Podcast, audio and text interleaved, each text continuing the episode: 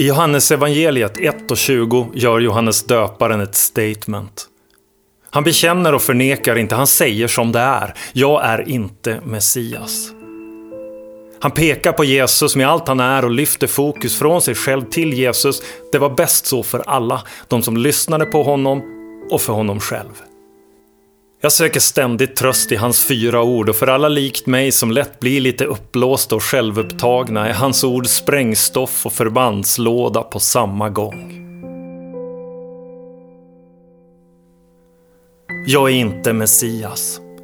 Det var så Johannes döparen sa, bekände och höll före, just före allt exploderade och himlen invaderade. När Guds mission började täppa till munnen på kritikerna och traditionalisterna när allt invant och tamt blev upp och ner och äntligen på väg att bli rakt igenom rätt igen. Guds agenda att vända vilsna steg tillbaka hem på krokiga vägar tillbaka till sitt rätta hem, till fadershjärtats vidöppenhet och värdighet. Han ville bli mindre, backa undan och försvinna hellre än att vara viktig och på allas läppar. Släppa taget, släppa kravet att spela huvudrollen och kanske just därför tystas aldrig hans röst och tröst i orden han bekände och höll fast vid. Jag är inte Messias. Men jag blir lätt Messias. Trissar upp mig med frälsarkomplex så komplicerade och odefinierbara att axlarna sjunker och bördan böjer mina knän. Knäcker min rygg och kväver hjärtats barnsliga oförstörda slag tystar hjärtats enkla sång. Tonen töms på liv, livet börjar väga ett ton, bördan att leverera mer. Om inte jag, vem? Om inte jag nu, vem?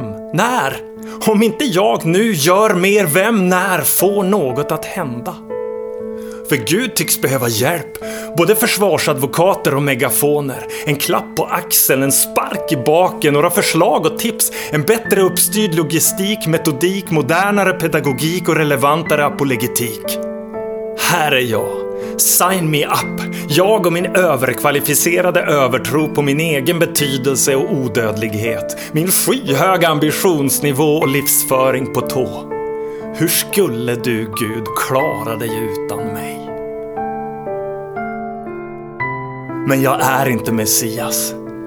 Och du behöver inte mig och mina uppslag, utkast, uppkast, utslag och varvningar, enhandslyror och myror i brallorna. Det är jag som behöver dig.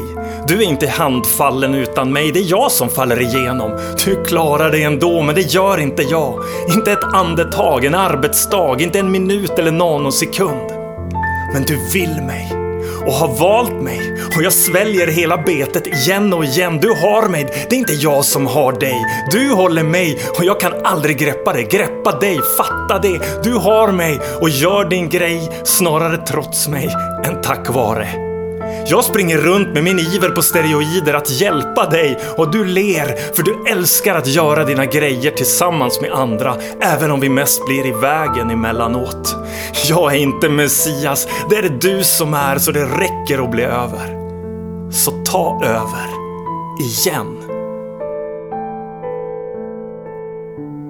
Du verkar varsamt nog vara mer intresserad och motiverad av vad som händer inom mig än genom mig. Du är nära, kan bära mig och lära mig och du kan använda vad som helst för att säga det du vill ha sagt till mig.